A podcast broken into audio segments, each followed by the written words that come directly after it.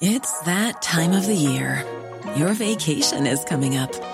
You can already hear the beach waves, feel the warm breeze, relax, and think about work. You really, really want it all to work out while you're away. Monday.com gives you and the team that peace of mind. When all work is on one platform and everyone's in sync, things just flow wherever you are. Tap the banner to go to Monday.com.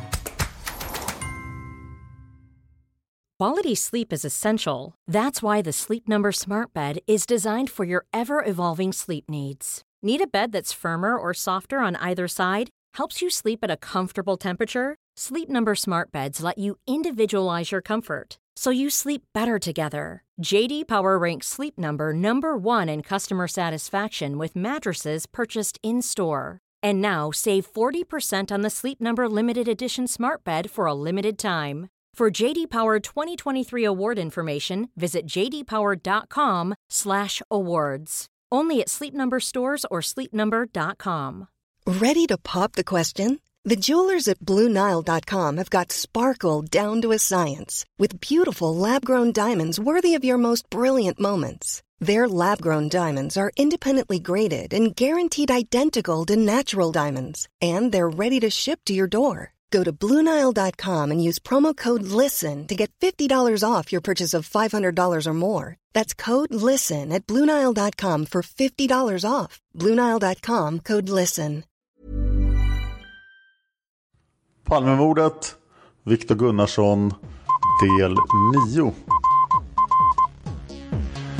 Sveriges statsminister Olof Palme är död.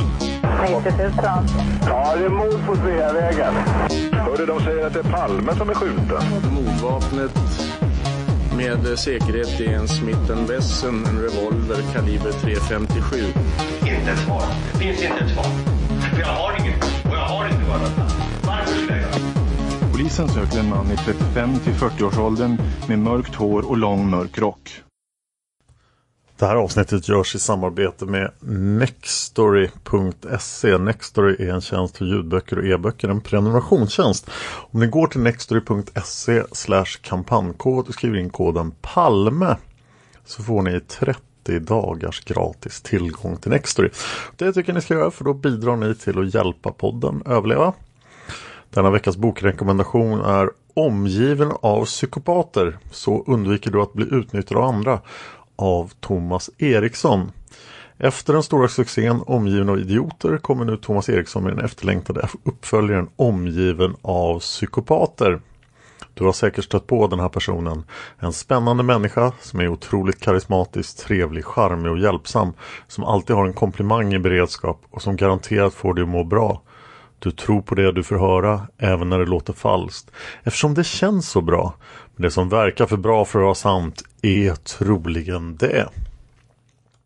Tillbaka till Viktor Gunnarsson som då släpptes på fri fot i del 8. Och min huvudsakliga källa den här gången är Granskningskommissionens rapport från 1999. Och där står följande. För att klarlägga om Viktor Gunnarsson haft något att göra med mordet tillsattes efter frigivningen en särskild grupp av utredningsmän som bara skulle arbeta med dessa misstankar. Gruppen höll ett stort antal förhör med personer som förekom i Viktor Gunnarssons mycket omfattande telefonbok eller som på annat sätt kände, hade träffat eller sett Viktor Gunnarsson.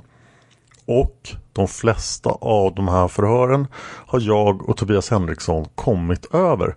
Så det kommer ett antal avsnitt i den här Viktor Gunnarsson-serien där vi går igenom de här förhören. Som alltså inte tidigare har publicerats så vitt jag vet. Jag fortsätter citera granskningskommissionen. Ytterligare några förhör hölls med Viktor Gunnarsson själv. Vidare gjordes en genomgång av restauranger som Viktor brukade besöka. Och dörrknackning utfördes på hans bostadsadress. Genom utredningen växte en bild fram av den misstänkte. Viktor Gunnarsson var uppvuxen i södra Sverige, frireligiös, utåtriktad och mycket intresserad av politik och samhällsfrågor. Han hade gjort vapenfri tjänst i det militära och hade försörjt sig på tillfälliga arbeten, bland annat som väktare och lärare. Viktor Gunnarsson talade ett flertal språk och hade rest runt i världen. Han var proamerikansk.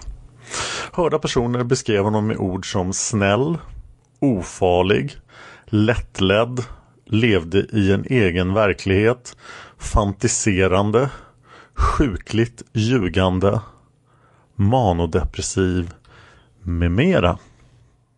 Och även bröderna Putiainen i sin fantastiska bok Inuti labyrinten har saker att säga om den här speciella gruppen av utredningsmän som bara skulle arbeta med misstankarna mot Viktor Gunnarsson. Från sidorna 50, sid, 5, sid 573 i Inuti labyrinten. Under veckan som följde efter KG Svenssons frigivningsbeslut omorganiserades polisens utredningsverksamhet. En speciell grupp som döptes till N-gruppen skapades med uppgift att utreda de kvarstående misstankarna mot 33-åringen. Som allting annat i den här utredningen kommer även N-gruppen att präglas av elefantiasis. KG Svensson berättar. Min bedömning när N-gruppen kom till, till exempel, det var den att den var överdimensionerad. Det som fanns mot Viktor Gunnarsson vid den här tidpunkten, det var inte av beskaffenheten att föranleda denna jättegrupp. I den delen hade jag ingen möjlighet att påverka situationen. Jag tillfrågades inte överhuvudtaget om sammansättningen av denna grupp utan det var bara det att det ska vara en sån grupp. Överhuvudtaget var Palmeutredningen vid den här tiden så överdimensionerad att ingen hade fullständig överblick eller kontroll över utredningsåtgärderna. KG Svensson säger vidare i en annan kommission det här var alltså ingen isolerad företeelse utan hela den polisiära insatsen var på tok för stor alltså. Så att alla sprang omkring varandra utan att så att säga. Och en kommissionsmedlem Nilsson frågar, det fanns ingen som höll i dem. KG Svensson svarar, det fanns ingen som höll i dem. Jag har hört många exempel på hur folk till slut har blivit förbannade. Det har utredningsmän berättat för mig alltså. Folk har blivit förbannade när de har blivit besökta om samma sak både två och tre gånger. Det är klart, när man har en sån stor styrka och ledningen fladdrar hit och dit, då blir det på det här sättet. Det är alltså från juristkommissionens förhör med KG Svensson 1987 0107. Hans Holmer hade förstås en annan uppfattning. Enligt honom fungerade allting perfekt. Och så här skriver han i sin bok. Och det var väl ett av de viktigaste uppdragen för spaningsledningen just att se till att utredningen kommer fördelas mellan olika enheterna som var berörda på ett sådant sätt så att ingenting föll mellan stolarna eller att man inte gick in på varandras områden. Så därför gjordes det noga upp vem det var som skulle svara för det ena eller det andra. Det här gick bra. Det är min uppfattning. Det blev inte något onödigt dubbelarbete. Det blev inte heller så att någonting hamnade mellan stolarna. Bröderna Putiainen fortsätter. Under utredningens första veckor hade Holmer inte visat något djupare intresse för att ha åklagarna tätt in på sig. Men när N-gruppen skapades erbjöd han åklagarna en lokal i polishuset. Han berättade själv om det här i KU-förhör 1987 03 14. Så citat Hans Holmér från KU. I samförstånd med KG Svensson och hans biträdande åklagare beredde vi de rum i samma korridor där polismännen satt för att underlätta information. Det arrangemanget var klart den 26 mars. Jag sammanträffade då med åklagarna och frågade om de var nöjda med situationen. Framförallt med informationsläget, vilket är det viktigaste i ett sådant inledningsskede. De förklarade då uttryckligen att det var en bra situation KG Svensson förnekar att sammanträffandet som Holmer beskriver någonsin ägde rum. Och det gör han i juristkommissionens delrapport 2, sid 56. Och det var nog mest polisens informationsbehov som underlättades av arrangemanget. Åklagarna började nämligen så småningom misstänka att rummet de hade fått var buggat. Så Palmeutredningen buggar nu åklagarna. Och det här låter ju som science fiction och konspirationsteorier men KG Svensson berättar om det i ett KU-förhör 1989-02-16. Så här är citat KG Svensson. Jag och min kollega kammaråklagare Lage Karlström som hjälpt mig under hela den här tiden som jag var engagerad i Palmeutredningen. Vi disponerade ett rum uppe på kriminalavdelningens lokaler. Det var i samband med att det var en grupp som sysslade med Viktor Gunnarsson och deras lokaler där där disponerade vi ett rum. Det som var aktuellt för oss det var att vi fick flera indikationer på att vi kunde vara avlyssnade. Bröderna Putiainen fortsätter. Det var på en direkt fråga från socialdemokraten Karl Ove Johansson om han någonsin känt sig avlyssnad som KG Svensson lämnade detta svar. Uppgiften var ganska sensationell och fick de övriga ledamöterna i konstitutionsutskottet att spetsa öronen. Varenda en ställde frågor om det där. Moderaten Anders Björk som hade, order direkt efter Carl, hade ordet direkt efter Karl Ove Johansson frågade om Svensson kunde precisera indikationerna. Så Anders Björk, vilka var indikationerna på att ni kunde ha blivit avlyssnade? KG Svensson. Ja, det är väldigt svårt att sitta så här offentligt och redogöra för. Jag skulle helst vilja slippa att redogöra för de indikationerna. Jag kan säga det i alla fall, att vi hade så pass starka indikationer på att vi var väldigt försiktiga Eh, på att överhuvudtaget yttra oss i rummet. Men det var mycket av det, att vi fick en känsla av att det gick vidare på något sätt, det vi uttryckte i vårt eget rum. Bröderna Putiainen fortsätter. På frågan varför KG Svensson inte hade gjort större väsen av den här saken svarade han att dels kunde han inte bevisa misstanken och del var anklagelsen i sig så oerhörd att den nästan var otänkbar. KG Svensson säger själv Man hade väldigt svårt att tro det här. Det var ju alltså så fantastiskt så att vi kunde faktiskt inte själva tro det här trots indikationerna. Man hade svårt att så att säga acceptera någonting Någonting sånt helt enkelt. Vi hade misstankar, men att acceptera misstankarna, det var något helt annat. Bröderna Puutiainen fortsätter. Som vi sett är det mycket som är fantastiskt i Palmeutredningen. Här möter vi gång på gång en så bizarr verklighet att vi inte kan tro att den existerar. Hans Holmér beskriver för Åsheden hur motgångarna i slutet av mars gör att han drabbas av en påskdepression. Påsken inföll 1986 de sista dagarna i mars. För att ta sig ur depressionen gör han något mycket egendomligt. Länspolismästaren börjar själv läsa de dagligen inkommande tipsen. Det här är upp och nervända världen. Normalt sett sköts tipslämningen eller tipsläsningen på de lägsta nivåerna i polishierarkin, inte den högsta. Holmers handlande tyder på en viss desperation. För att lätta på sinnesstämningen bestämmer han sig också för att på presskonferensen annandag påsk den 31 mars göra nya utfall mot Viktor Gunnarsson. Han har en lång utläggning för journalisterna om de påstådda tändsatspartiklarna på Viktor Gunnarssons rockar. Efter presskonferensen känner sig Holmér nöjd. Han tycker att han givit en hel del och att det var väl förankrat i spaningsledningen vad han skulle gå ut med. Förhoppningen är nu att Viktor Gunnarsson inte mår särskilt bra. Det var därför jag talade om partiklarna på hans jacka.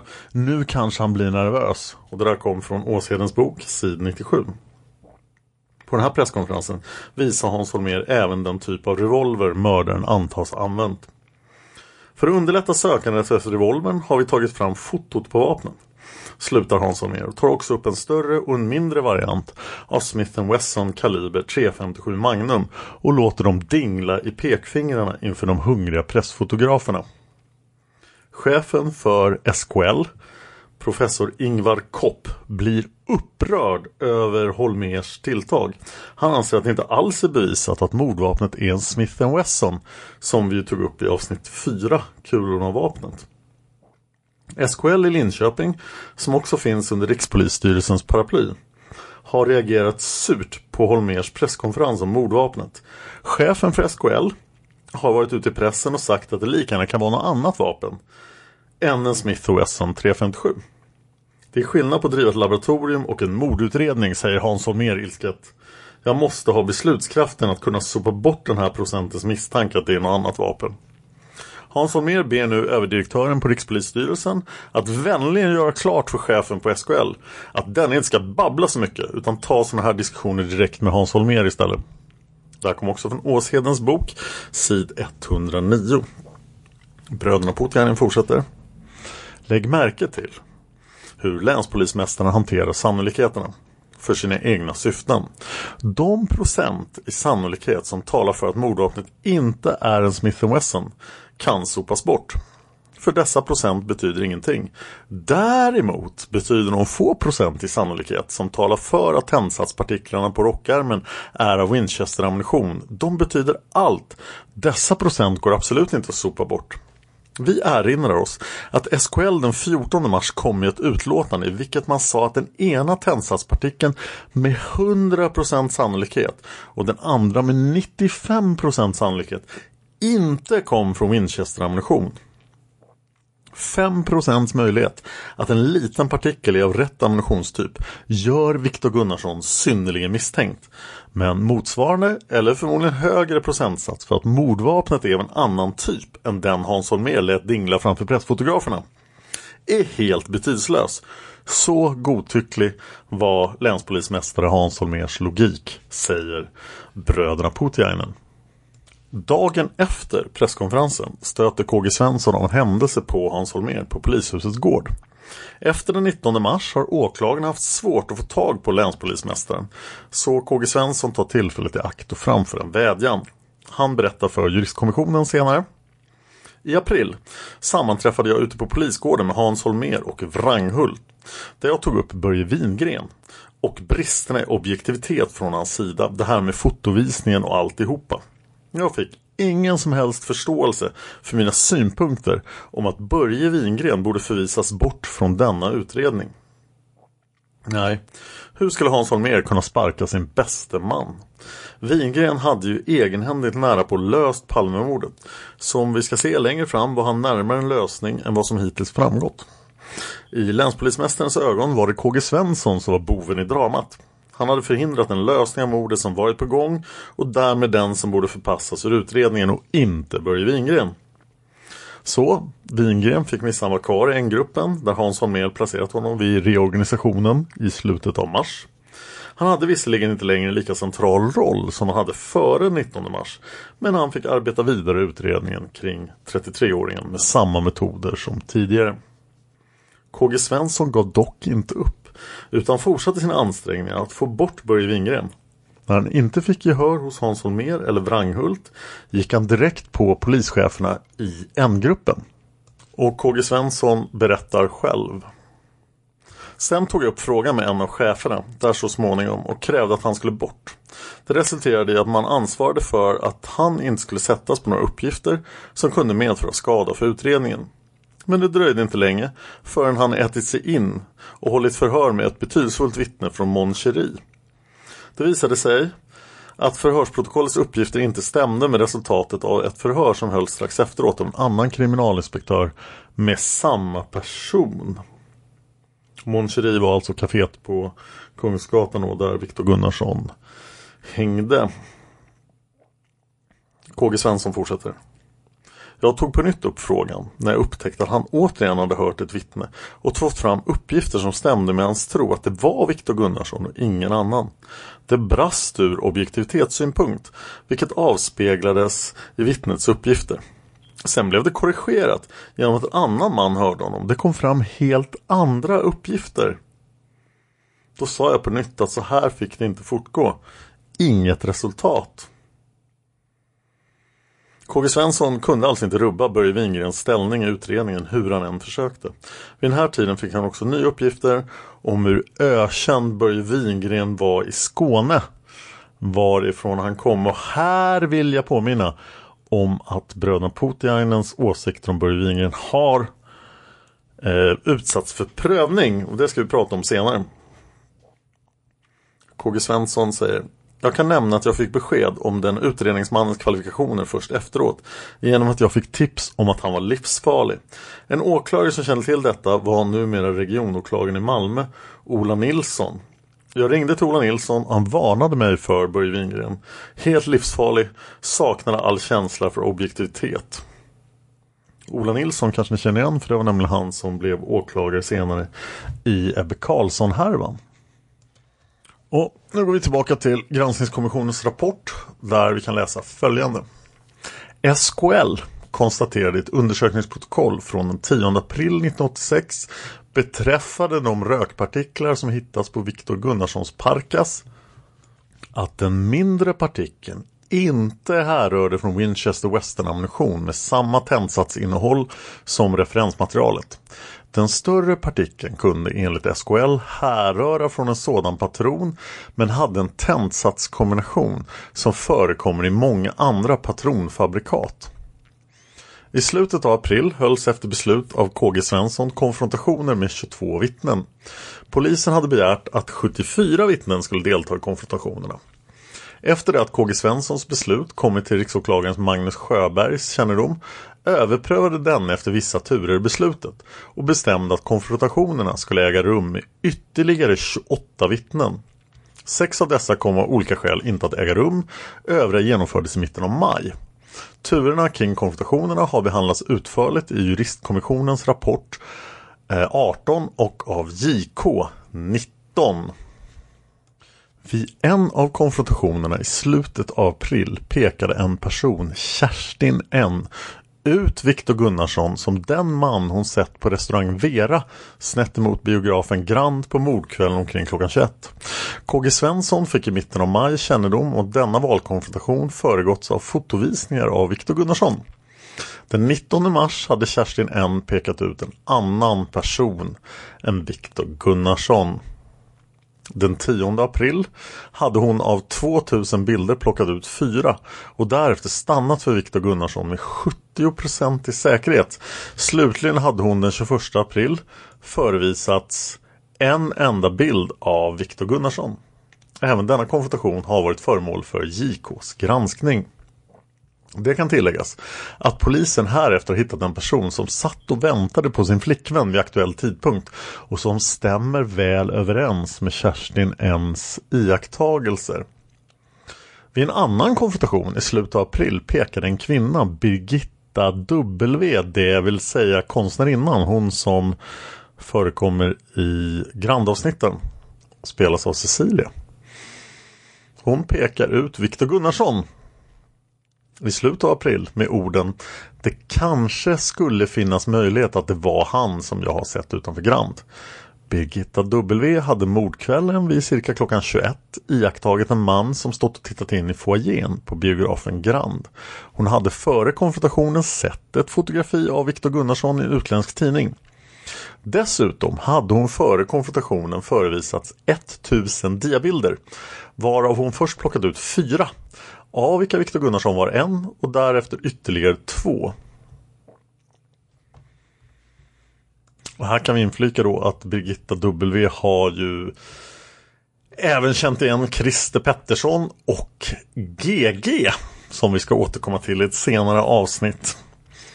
I ett utlåtande den 9 maj konstaterade BKA, det vill säga tyskarna, inga besudlingar hittats som med hänsyn till sitt utseende kunde leda till slutsatsen att Viktor Gunnarssons Parkas varit i kontakt med skjutvapen.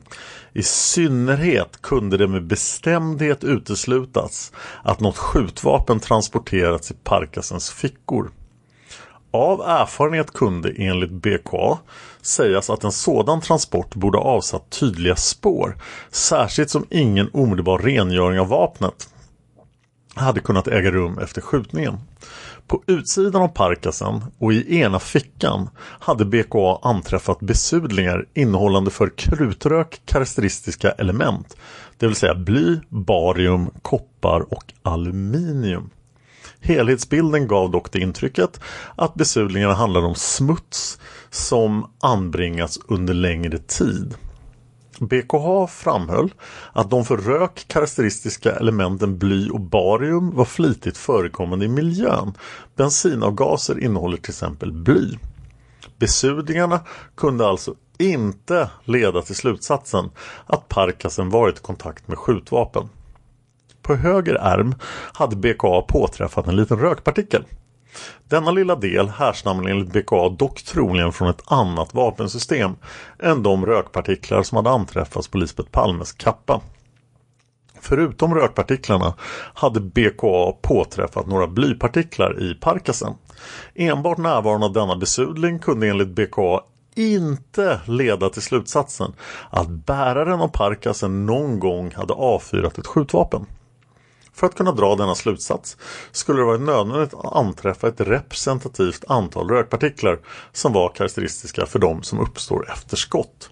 De anträffade partiklarna kunde enligt BKA exempelvis ha häftat vid parkasen på en plats där skott avlossats, till exempel på en skjutbana.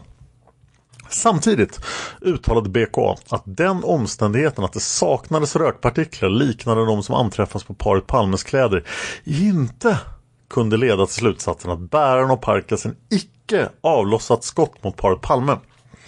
Av erfarenhet visste man enligt BKA nämligen att krutröken i allmänhet inte slår ner på skyttens kläder eftersom rökmolnet normalt försvinner bort från den som skjutit. Viktor Gunnarsson hade i ett av de första förhören lämnat en uppgift om att han under mordkvällen på Mon Cherie samtalat med ett par pojkar efter kontakten med de tre flickorna. I samband med de sista konfrontationerna eh, så efterlystes efter vissa turer mellan polis och åklagare de två pojkarna i massmedia. Och pojkarna, Kenneth N och André P gav sig snart till känna och förhörs hölls med dem den 14 och 15 maj 1986. De bekräftade då att de hade samtalat med Viktor Gunnarsson ifrågavarande kväll. Beträffande tidpunkten var de något osäkra. Kenneth N uppgav dock att Viktor Gunnarsson var kvar minst en halvtimme och högst en dryg timme efter det att de tre flickorna hade lämnat Mon vilket skedde vid 22.30-tiden. André P uppgav att Viktor G lämnat Mon i vart fall efter Mother's Day is around the corner. Find the perfect gift for the mom in your life with a stunning piece of jewelry from Blue Nile. From timeless pearls to dazzling gemstones, Blue Nile has something she'll adore. Need it fast? Most items can ship overnight. Plus, enjoy guaranteed free shipping and returns. Don't miss our special Mother's Day deals. Save big on the season's most beautiful trends. For a limited time, get up to 50% off by going to BlueNile.com. That's BlueNile.com.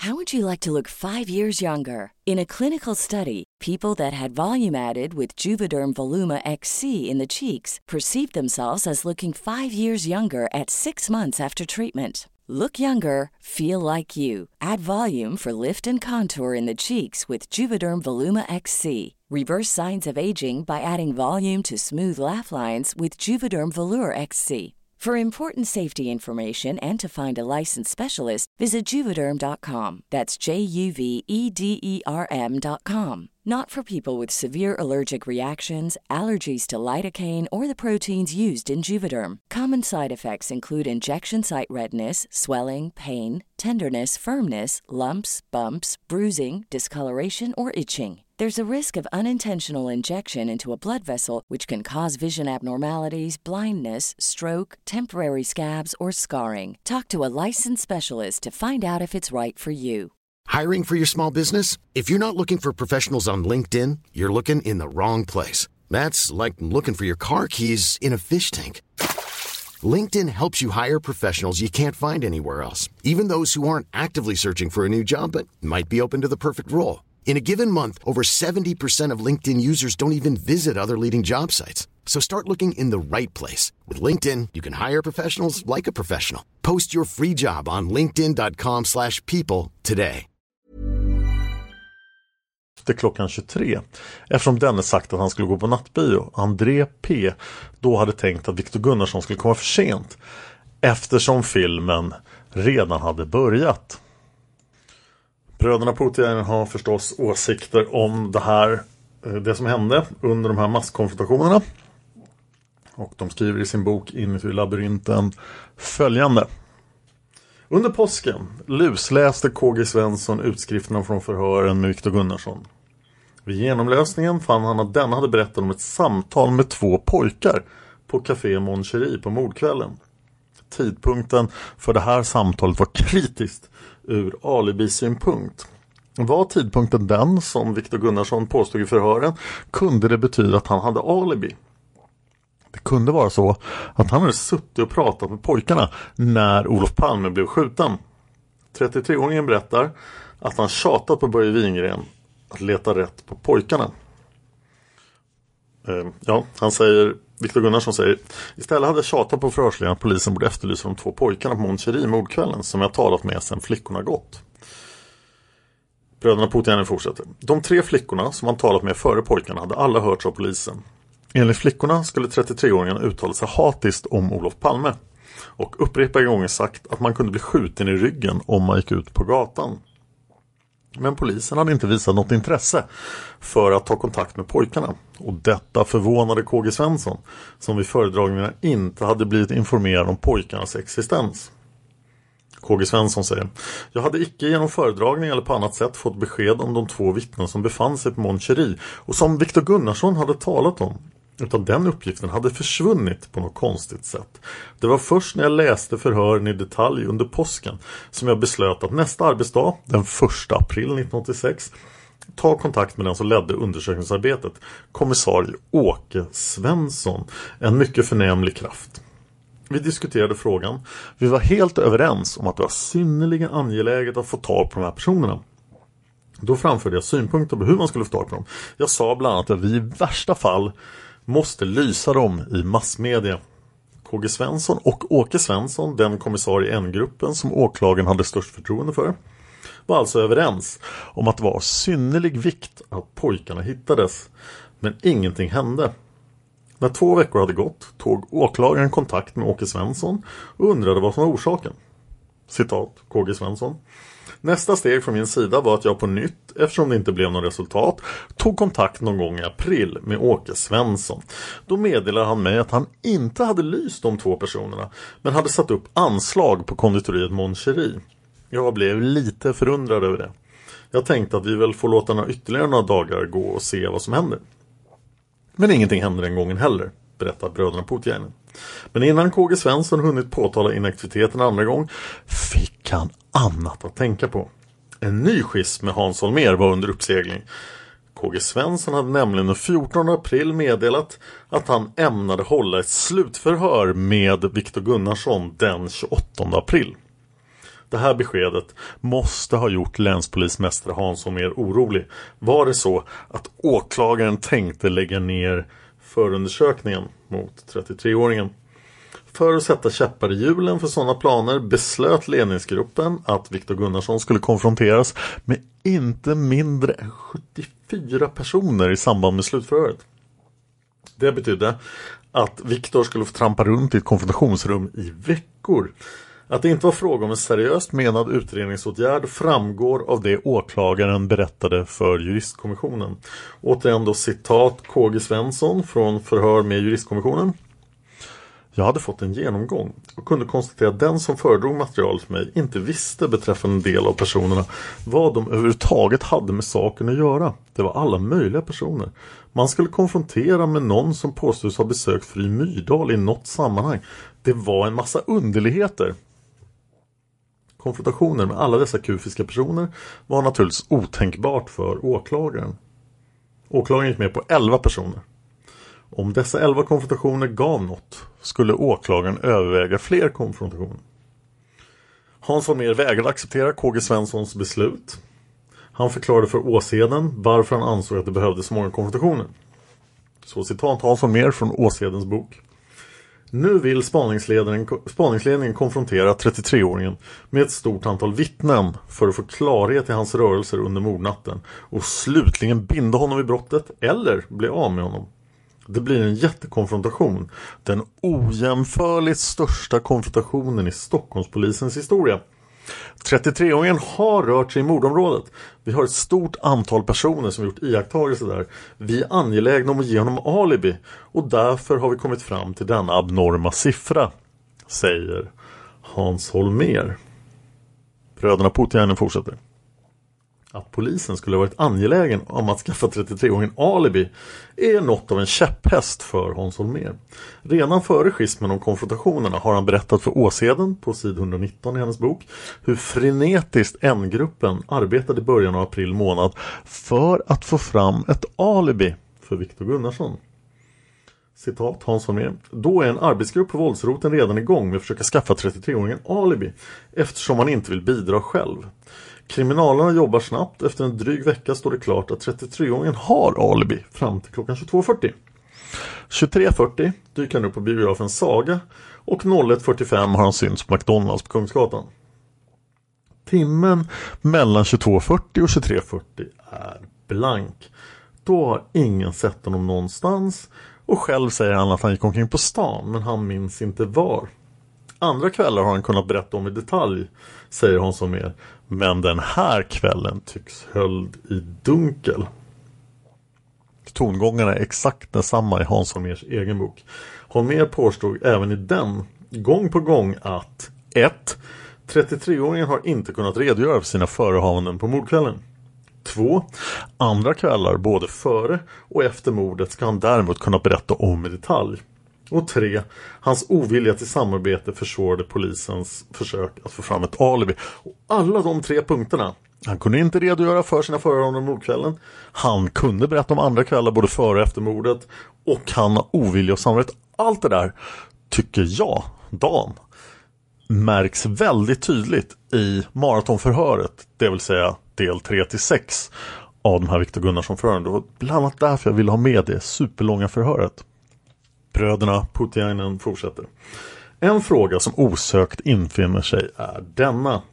Om Holmer och kompani verkligen var så måna om ett alibi för 33-åringen, varför i herrans namn sökte man då inte med ljus och lykta efter de två pojkarna som denne talat med på Café Moncherie?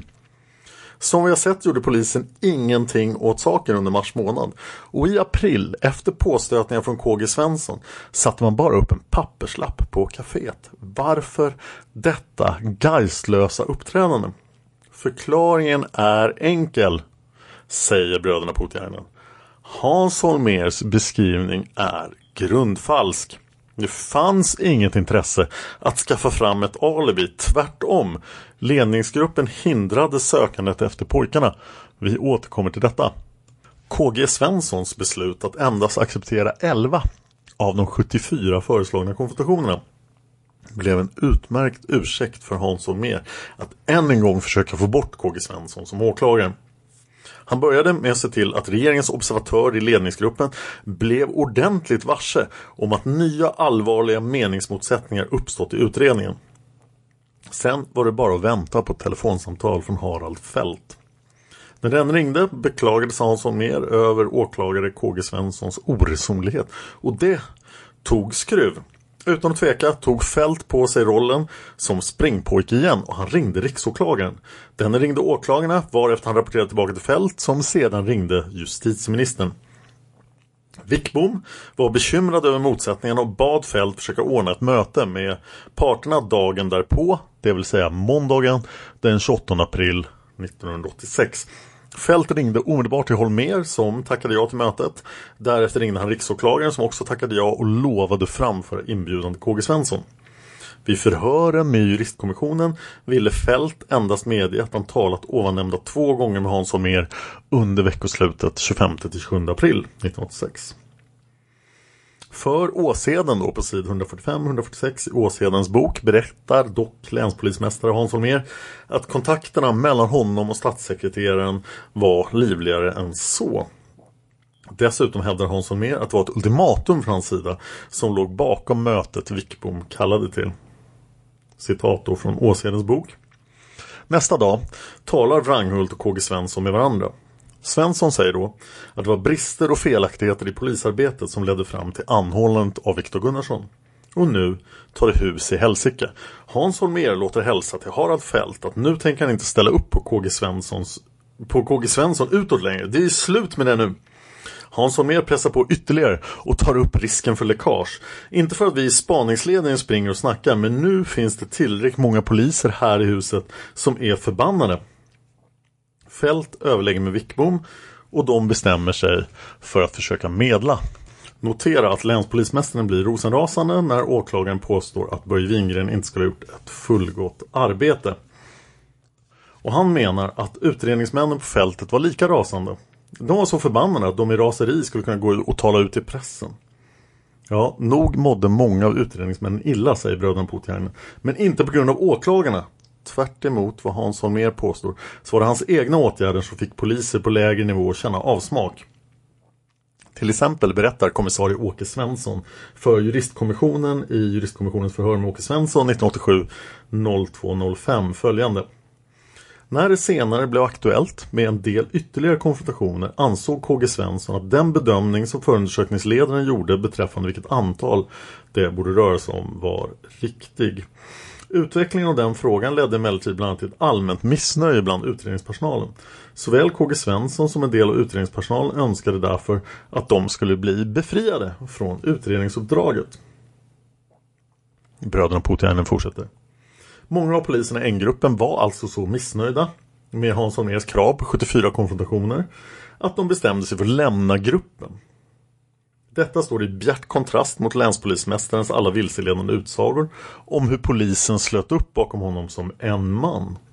Kåranda och rädsla för repressalier gjorde dock att ingen gick till pressen och berättade om missförhållanden. Illusionen om den hängivet arbetande och rättrådige polischefen i Stockholm kunde därför stå kvar orubbad. Mötet som Wickbom sammankallat hölls på kvällen den 28 april 1986. Under dagen hade KG Svensson delvis böjt sig för trycket och gått med på ytterligare 11 konfrontationer. Så att det blev sammanlagt 22 konfrontationer. Att gå med på fler hade enligt åklagarens uppfattning inneburit att man börjat tumma på rättssäkerheten. Och när det gällde rättssäkerheten var KG Svensson orubblig. Därför var han inte beredd att kompromissa en millimeter utöver de 22. Han hade sträckt sig så långt han kunde. Direkt när riksåklagaren och KG Svensson anlände till möte på justitiedepartementet kände de sig bedragna. Det hade nämligen inte blivit informerade i förväg om att Hans Holmér skulle delta på mötet. Riksåklagaren hade av fält fått uppfattningen att mötet tillkommit eh, för att justitieministern ville ha åklagarsidans syn på utredningsläget. KG Svensson berättar Min reaktion det var att jag var ytterligt förvarnad först och främst vad det var frågan om. Nämligen detta Jag var ytterligt förvånad först och främst vad det var frågan om. Nämligen detta att Hans Holmér också var med. Inte för att jag hade någonting emot Holmér personligen så tillvida att jag inte ville träffa honom under de förhållanden. Men jag utgick ifrån att man hade dolt för mig att Hans Holmér skulle komma också. Och sen så började ju hela alltet väldigt olyckligt genom att Holmér började då med att angripa mitt beslut att släppa Viktor Gunnarsson på en gång alltså. Och det gjorde ju så att säga atmosfären, eh, att den inte blev särskilt trevlig. Bröderna Puutiainen fortsätter. Det stod snart klart att mötets yttersta syfte var att få åklagaren att gå med på polisledningens krav. KG Svensson skrev i sin egen dagbok Sedan jag deklarerat mitt beslut att ej bevilja ytterligare konfrontationer lika med 22 stycken uttryckte justitieministern slutligen sin uppfattning att det var synnerligen angeläget att utredningen drevs så långt som möjligt för att klarlägga omständigheterna kring Viktor Gunnarsson. För egen del har jag skrivit inom parentes här, för egen del drog jag därvid omedelbart slutsatsen att justitieministern inte varit nöjd med det antal konfrontationer jag har beslutat. Ministerstyre? Frågetecken. Bröderna Puutiainen fortsätter. Notera att ministerns uppfattning var som ett eko av Hans Holmers tankegångar som i praktiken sätter rättssäkerheten ur spel och att man måste gå till botten i saken. Att Wickbom antydde att man med 22 konfrontationer inte hade gått till botten tolkades naturligt nog av KG Svensson. Så att ministern satt och förespråkade fler konfrontationer. Och det luktade ministerstyre långt väg. Det är svårt för utomstående att på laglig väg ändra en åklagares beslut. Regeringsformen förbjuder uttryckligen ministrar och även riksåklagaren att ingripa. En åklagare är alltså enligt lagen i princip helt suverän när han leder en utredning. Ingen har rätt att ge honom direktiv. Enligt rättegångsbalken åligger det dock riksåklagaren att ansvara för och leda åklagarväsendet i landet. På basis av denna paragraf i rättegångsbalken har en praxis utvecklats som ger riksåklagaren rätt att företa så kallad överprövning av åklagarbeslut. Det här överprövningsinstitutet är alltså inte reglerat i regeringsformen. Möjligheten att genom överprövning ändra beslut tagna av åklagaren var något regeringen nu tog fasta på. Efter mötet bad justitieministern riksåklagaren att stanna kvar en stund. I den konversation som utspann sig deltog även rättschefen på justitiedepartementet Johan Munk. Han hade också varit med på mötet tidigare. Munk kom med ett förslag som juristkommissionen beskriver så här i delrapport 2, sid 189. Johan Munk gav under det fortsatta samtalet uttryck för uppfattningen att de allvarliga motsättningarna mellan polisen och åklagaren i fråga om konfrontationerna kunde motivera en överprövning av KG Svenssons beslut. Bröderna Puutiainen fortsätter.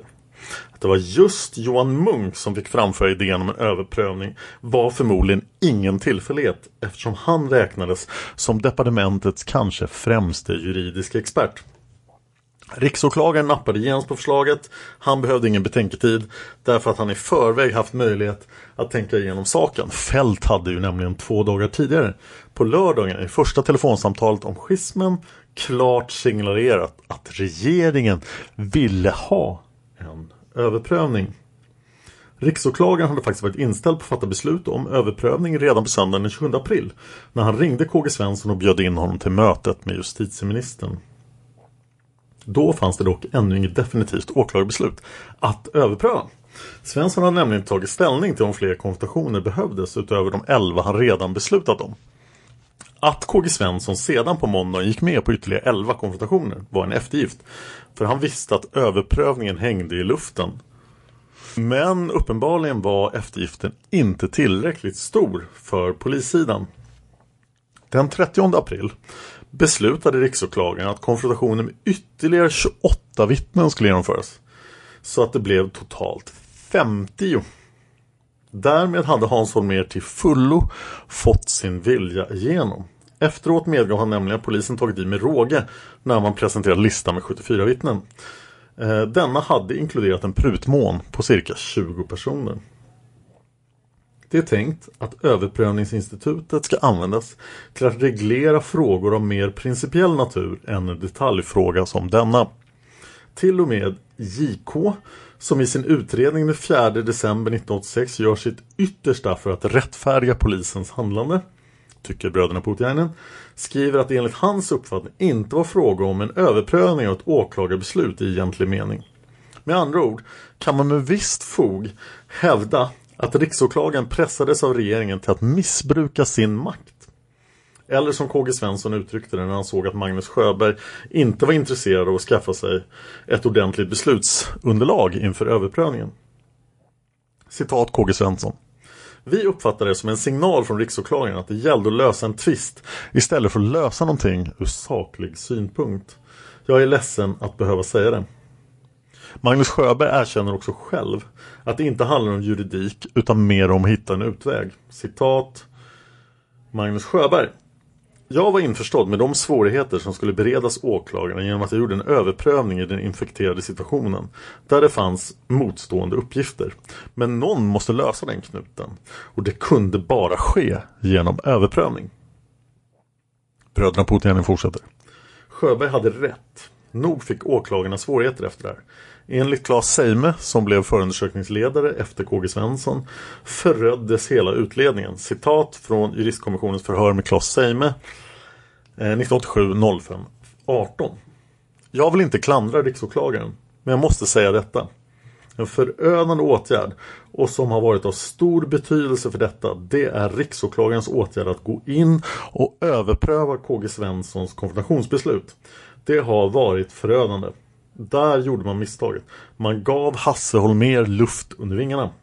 Det skulle man aldrig, aldrig ha gjort. Man skulle framförallt inte ha gjort det när det finns en princip som riksåklagaren själv har spikat. Att ett överklagande av Polismyndigheten ska icke uppfattas så som en begäran och överprövning. Så gör vi på fältet i enlighet med riksåklagarens anvisningar. Det har varit förödande, helt förödande. Riksåklagaren hade ingen anledning att ifrågasätta KG Svenssons bedömning. Ingen som helst anledning. Snarast skulle han vara skeptisk mot Hasse Holmér och tro att det skulle vara en rimlig åtgärd att ha konfrontation med 72 personer eller vad det nu var. Det tyckte jag var förödande. Det har varit rent förödande och sen vet jag inte vad justitiedepartementet har spelat för roll i detta. För det var ju de som förmedlade, om jag har förstått rätt, den här begäran eller propån om överprövning. Det är en mycket ovanlig åtgärd från riksåklagarens sida. Det är mycket sällan som han går i detaljer i åklagarärenden. Det är så att säga besluten han prövar, inte åtgärderna i detalj. Det tror jag har varit förödande. Det blev förödande. Bröderna Putiainen fortsätter. Riksåklagaren gick alltså emot sina egna anvisningar. När han gjorde överprövningen. Han måste ha varit under oerhört hård press för att bete sig så irrationellt. Seime förundrar sig över hur man kunde tro att konfrontationen med 72 personer kunde vara en rimlig åtgärd. Och det var naturligtvis ingen som trodde. Masskonfrontationen hade bara ett syfte, att fördröja och i förlängningen förhindra nedläggning av utredningen mot Viktor Gunnarsson.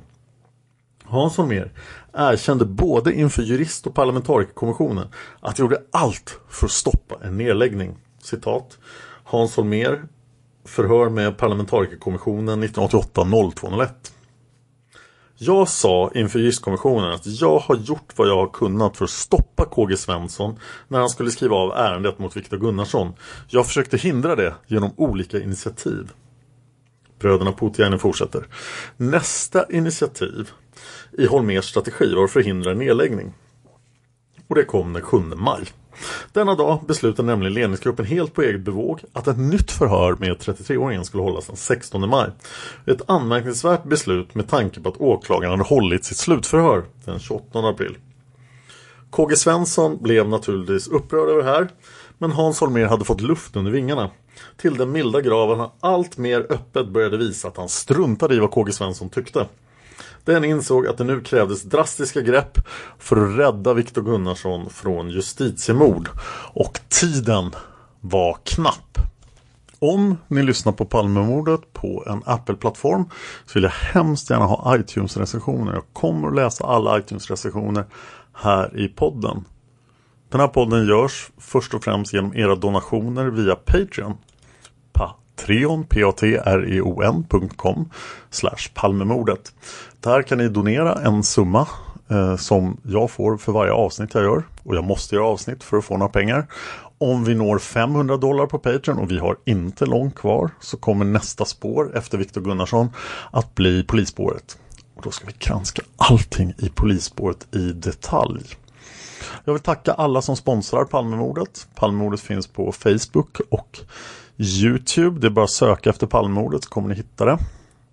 Jag finns på Twitter som Dan Horning för Twitter gillar inte Ö.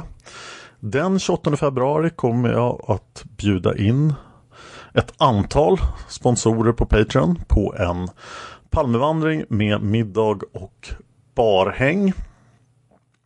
Och en det kommer vara en guidad tur då vid mordplatsen. Sen hoppas jag att så många som möjligt som är sponsorer kan komma på. Och tack för att ni lyssnar på Palmemordet. Man hittar Palmes mördare om man följer PKK-spåret till botten. Därför att ända sedan Julius Caesars tid har det aldrig hört talas om ett mord på en framstående politiker som inte haft politiska skäl. Polisens och åklagarens teori var att han ensam hade skjutit Olof Palme. Och det ledde också till rättegång. Men han frikändes i hovrätten. Ska ut och röva. A lot can happen in three years, like a chatbot may be your new best friend. But what won't change? Needing health insurance. United Healthcare Tri Term Medical Plans, underwritten by Golden Rule Insurance Company, offer flexible, budget friendly coverage that lasts nearly three years in some states. Learn more at uh1.com. Even when we're on a budget, we still deserve nice things. Quince is a place to scoop up stunning high end goods for 50 to 80% less than similar brands. They have buttery soft cashmere sweaters starting at $50 luxurious Italian leather bags, and so much more. Plus, Quince only works with factories that use safe, ethical, and responsible manufacturing. Get the high-end goods you'll love without the high price tag with Quince. Go to quince.com/style for free shipping and 365-day returns. Hey, it's Paige DeSorbo from Giggly Squad. High quality fashion without the price tag. Say hello to Quince. I'm snagging high-end essentials like cozy cashmere sweaters, sleek leather jackets, fine jewelry, and so much more. With Quince being 50 to 80% less than similar brands. And they partner with factories that prioritize safe, ethical, and responsible manufacturing. I love that. Luxury quality within reach. Go to quince.com slash style to get free shipping and 365-day returns on your next order. quince.com slash style.